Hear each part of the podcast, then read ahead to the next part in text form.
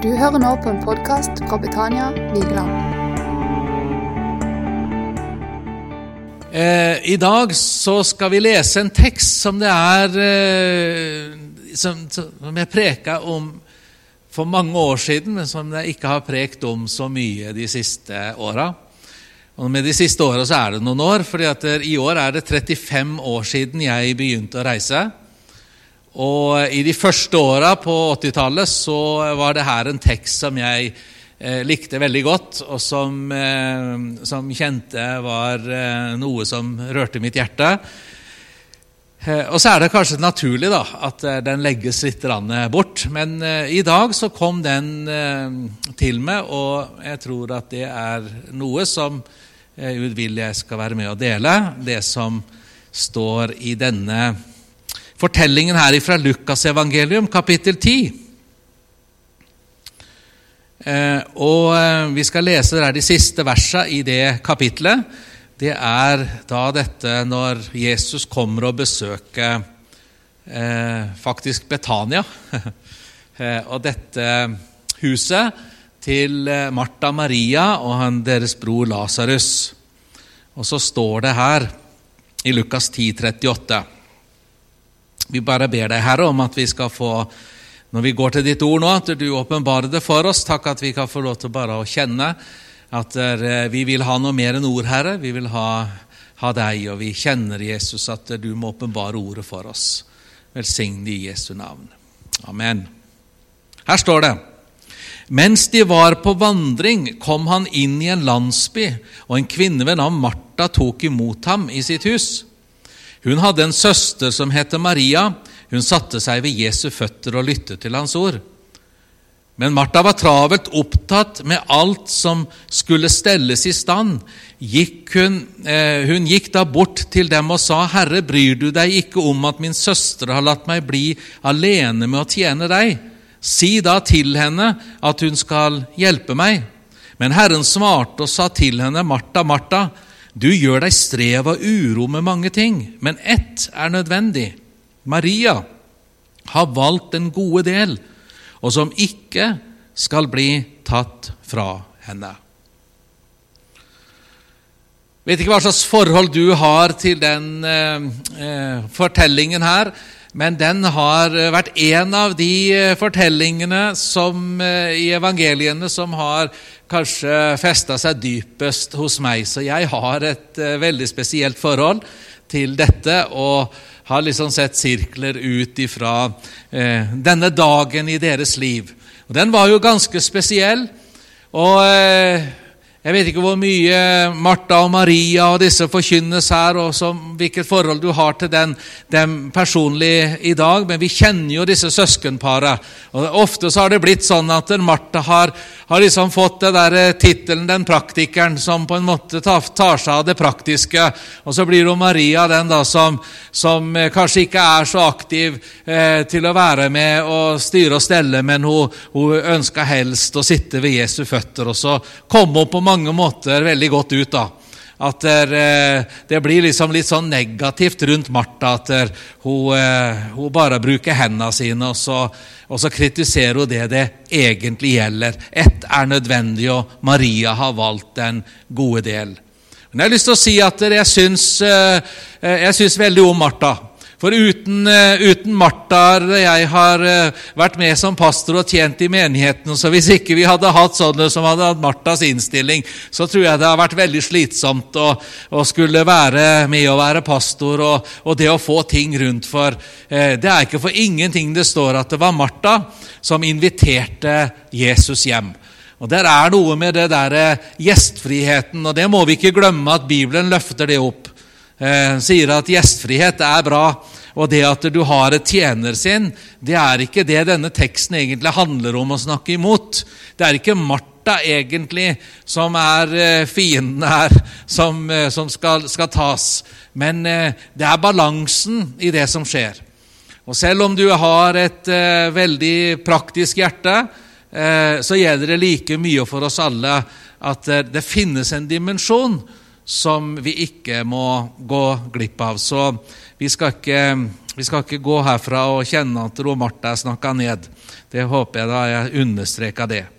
Men det var Hvis du ser den settingen her Du vet at Jesus, når, når, når Martha inviterte Jesus inn i sitt hjem, eh, så var det jo ikke bare han som kom. Han hadde jo tolv disipler.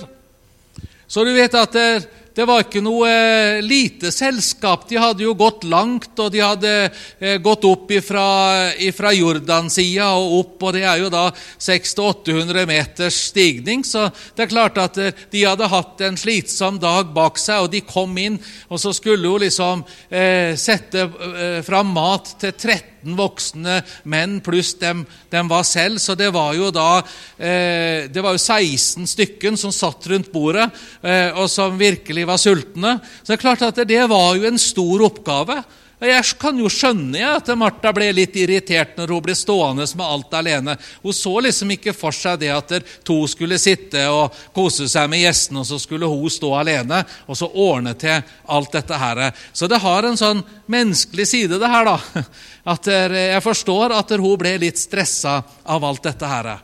Men du vet at når Jesus gikk med sine disipler, så var det jo Eh, så var det veldig spesielt å få lov til å være sammen eh, med Jesus når de kom for seg selv. Fordi at eh, Jesus talte i det offentlige. Han talte jo for tusener og var på stormøter, og, og, og folk var begeistra, og han talte jo så mye. Men i Markus 4, når han hadde stått blant folket og talt bl.a. denne lignelsen om såmannen så Dere kjenner den om de fire vi har lært å, å, tenke på den, da, men det står jo om lignelsen om denne såmannen da, som gikk ut for å så. Og så når de da kom for seg selv, står det, eh, så sukka disiplene. Og så sier de at du taler alltid i lignelse. Det er så vanskelig å forstå alt. Og så sier Jesus til dem at ja, det er sant, det. Men dere er himlenes rikes hemmeligheter gitt, sa han. Og så begynte han da i enerom sammen med dem å legge ut Skriften og legge ut sannhetene. Så det er jo klart at å sitte der og få lov til å være sammen med Jesus da han tar disiplene til side og begynner å fortelle det han ikke forteller i det offentlige rom, men begynner liksom også å si at dere har jeg lyst til å fortelle hemmelighetene. Jeg tror noen av oss, enhver, jeg kunne ha blitt litt sigen og ville senke seg ned og sitte ved Jesu føtter og liksom bli dratt inn for å høre hva Jesus hadde å si. Jeg tror Maria er ikke sikkert at hun hadde den der i utgangspunktet at hun, hun hadde kanskje tenkt at hun skulle eh, ha hjulpet Martha og, og var i siget, hun. Men så var det bare at hun begynte å høre på Jesus. Hun begynte å høre. Det var jo så interessant. Så før hun visste ordet av det, så satt hun der oppslukt og ville være i dette spesielle rommet der Jesus delte sine sannheter. Og det, det måtte være spesielt å få lov til å være blant dem som fikk, fikk høre når Jesus åpenbarte hemmelighetene. Det var jo det vi ønska når vi var på bibelskolen òg. Så kjenne på en måte at Paulus han sier at, der, eh, at det er noen mysterium eller noen hemmeligheter som har vært skjult til evige tider, men som nå i Kristus Jesus er åpenbart. Og Vi kjenner jo en sånn lengsel etter å få tak i disse sannhetene og få lov til å kjenne at disse disse ting som er skjult for oss, blir åpenbart. Det er jo det som på en måte skaper en sånn en lengsel. Og Så gjør Martha noe som jeg vet ikke om du har for vane å gjøre hvis du blir litt irritert i heimen, og ting ikke er sånn eh, mellom dere som bor der. Tenk at det, det står at Martha, når hun så at Maria bare satte seg ned ved Jesu føtter og hørte, så står det at hun gikk rett inn i stua, og så sier hun til Jesus du, Jesus, bryr ikke du deg om at jeg har blitt alene om å tjene deg, sier han. Så kritiserer hun søstera si for en gjest. Det er jo ganske utrolig, da. Komme fram og, og, og kritisere på denne måten. Da tenker jeg at der, du ser at der, når Maria fikk kritikk, så skjer det noe spesielt. Hun åpna ikke munnen selv, for Jesus tok henne i forsvar. Og der er noe Der er noe Jesus vokter. Det er noe Jesus virkelig er verner overfor oss.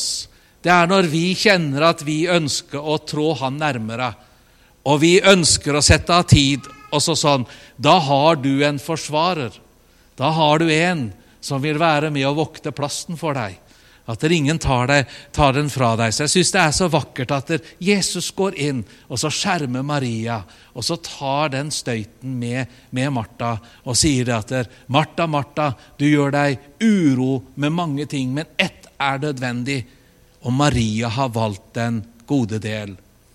Så kanskje er ikke alt denne ytre ramma når det kommer til stykket, det, det, viktigste i gudslivet vårt. Vi vil at alt skal være og Jeg er kanskje en sånn liten perfeksjonist innimellom som stresses litt når ikke alt er på G.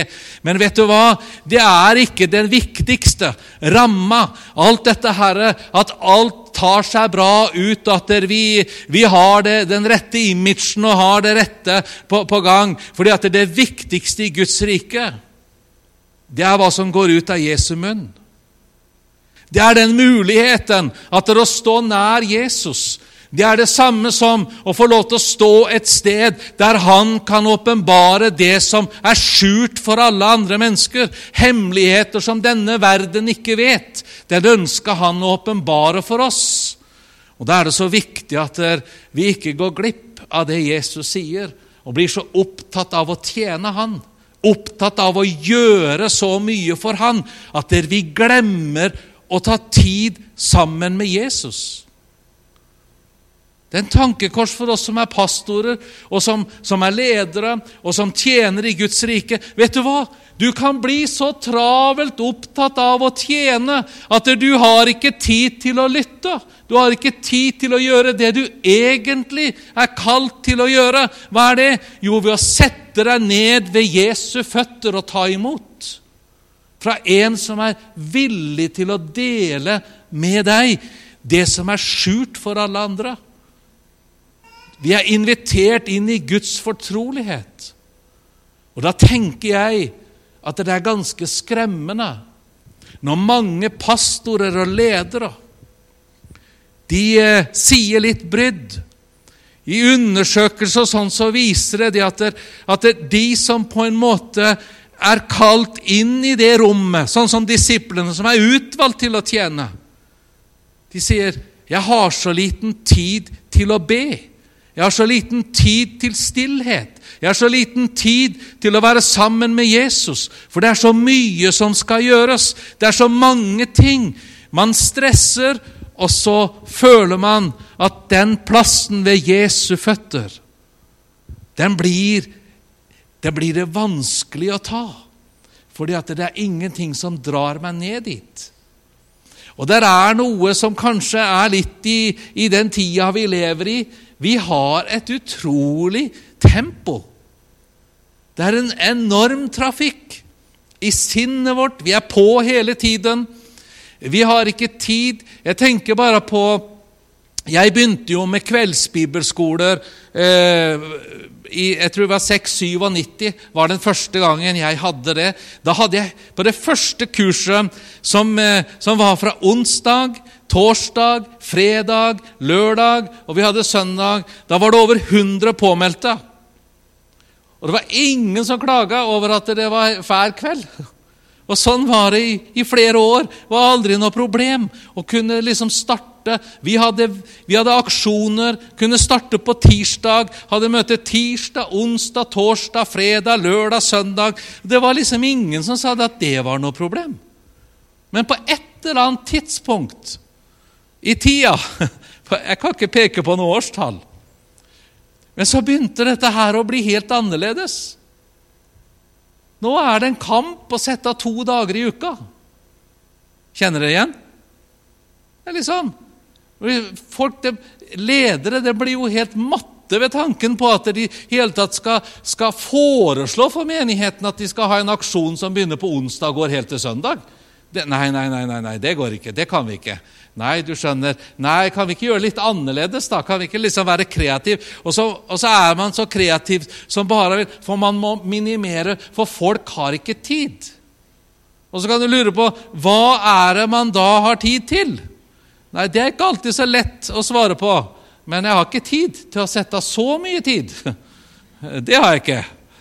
Eh, og så tenker jeg Martha, Martha, du gjør deg strev og uro med så mange ting, men ett er nødvendig. Maria har fått tak i den gode delen av det å være sammen med meg, det å tjene meg og å ta tak i den gode delen. Hva er det for noe? Det er privilegiet å ikke gjøre noe, men bare sette seg ned og høre. Halleluja!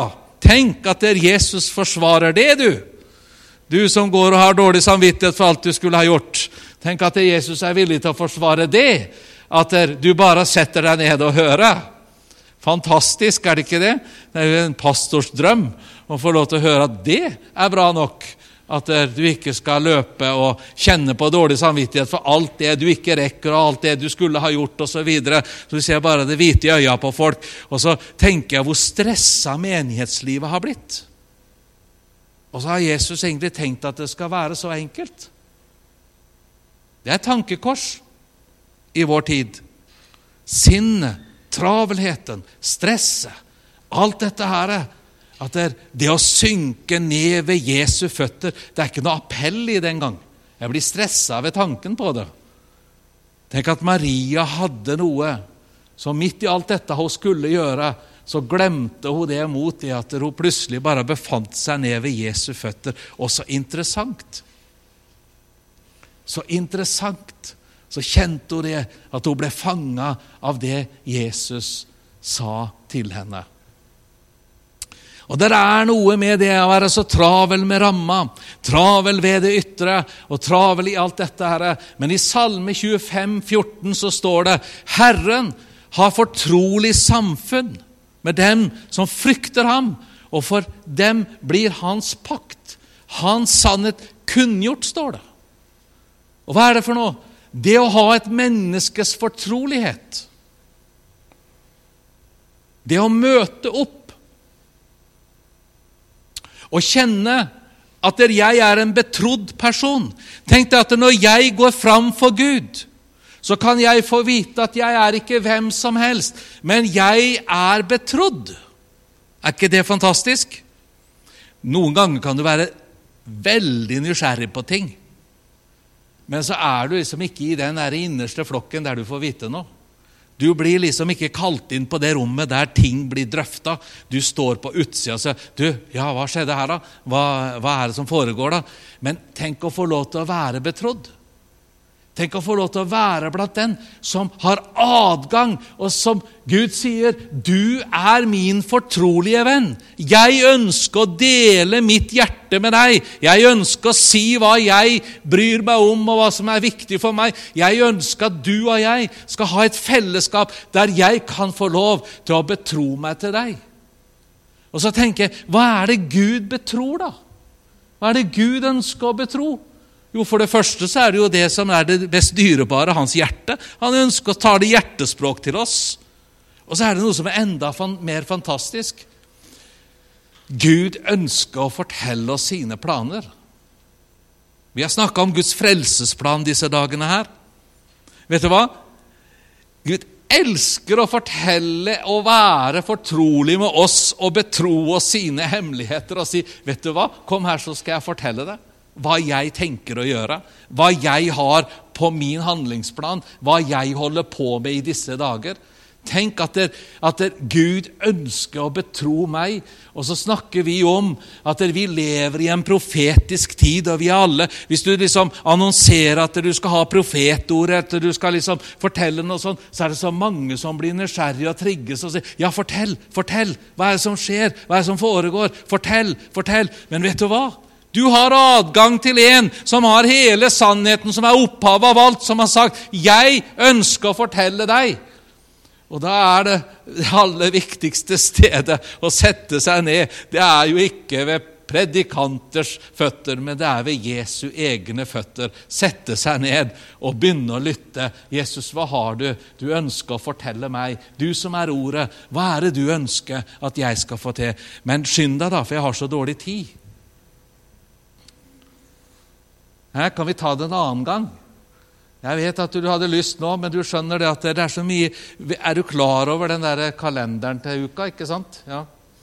Og den kalenderen, det er altså Vi er en liten menighet, vi, og så fikk vi besøk av noen fra en stor menighet, en pastor, og liksom satt og prata litt med dem og lurte liksom på hvordan vi kunne gjøre ting klokere. Så sier han her Jeg ser den her kalenderen deres, jeg blir helt svett, jeg, ja, sånn. Hva er det dere forsøker å bevise, da? sa han til meg. Jeg har aldri tenkt på det der. Bevise, sier jeg. Vi arbeider for Jesus.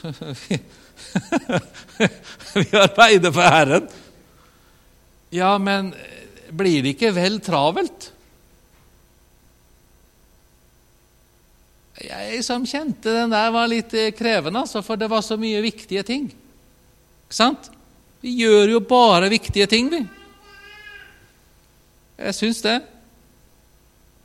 Men til slutt så kan vi ende opp med at vi får et helt feil fokus. Vi er så opptatt av å gjøre de riktige tinga at vi glemmer det viktigste. Og det er hva hele gudslivet vårt handler om. Det handler om å ha samfunn med Jesus Kristus. 1. Korinter 1,9 så står det at det Paulus sier det, det kall vi har fått, det er å ha samfunn med Jesus Kristus.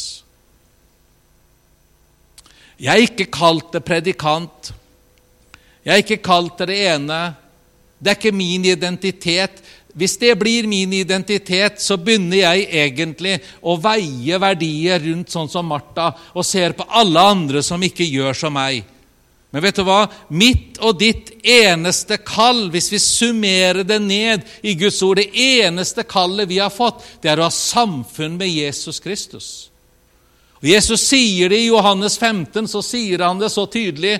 Og så sier han 'Jeg er vintreet, og dere er grenene'. Så sier han 'Bli i meg, så blir jeg i dere'. Og hvis vi har den relasjonen at vi, vi har dette fellesskapet, at mitt liv er i dere, da står det 'da bærer dere frukt'.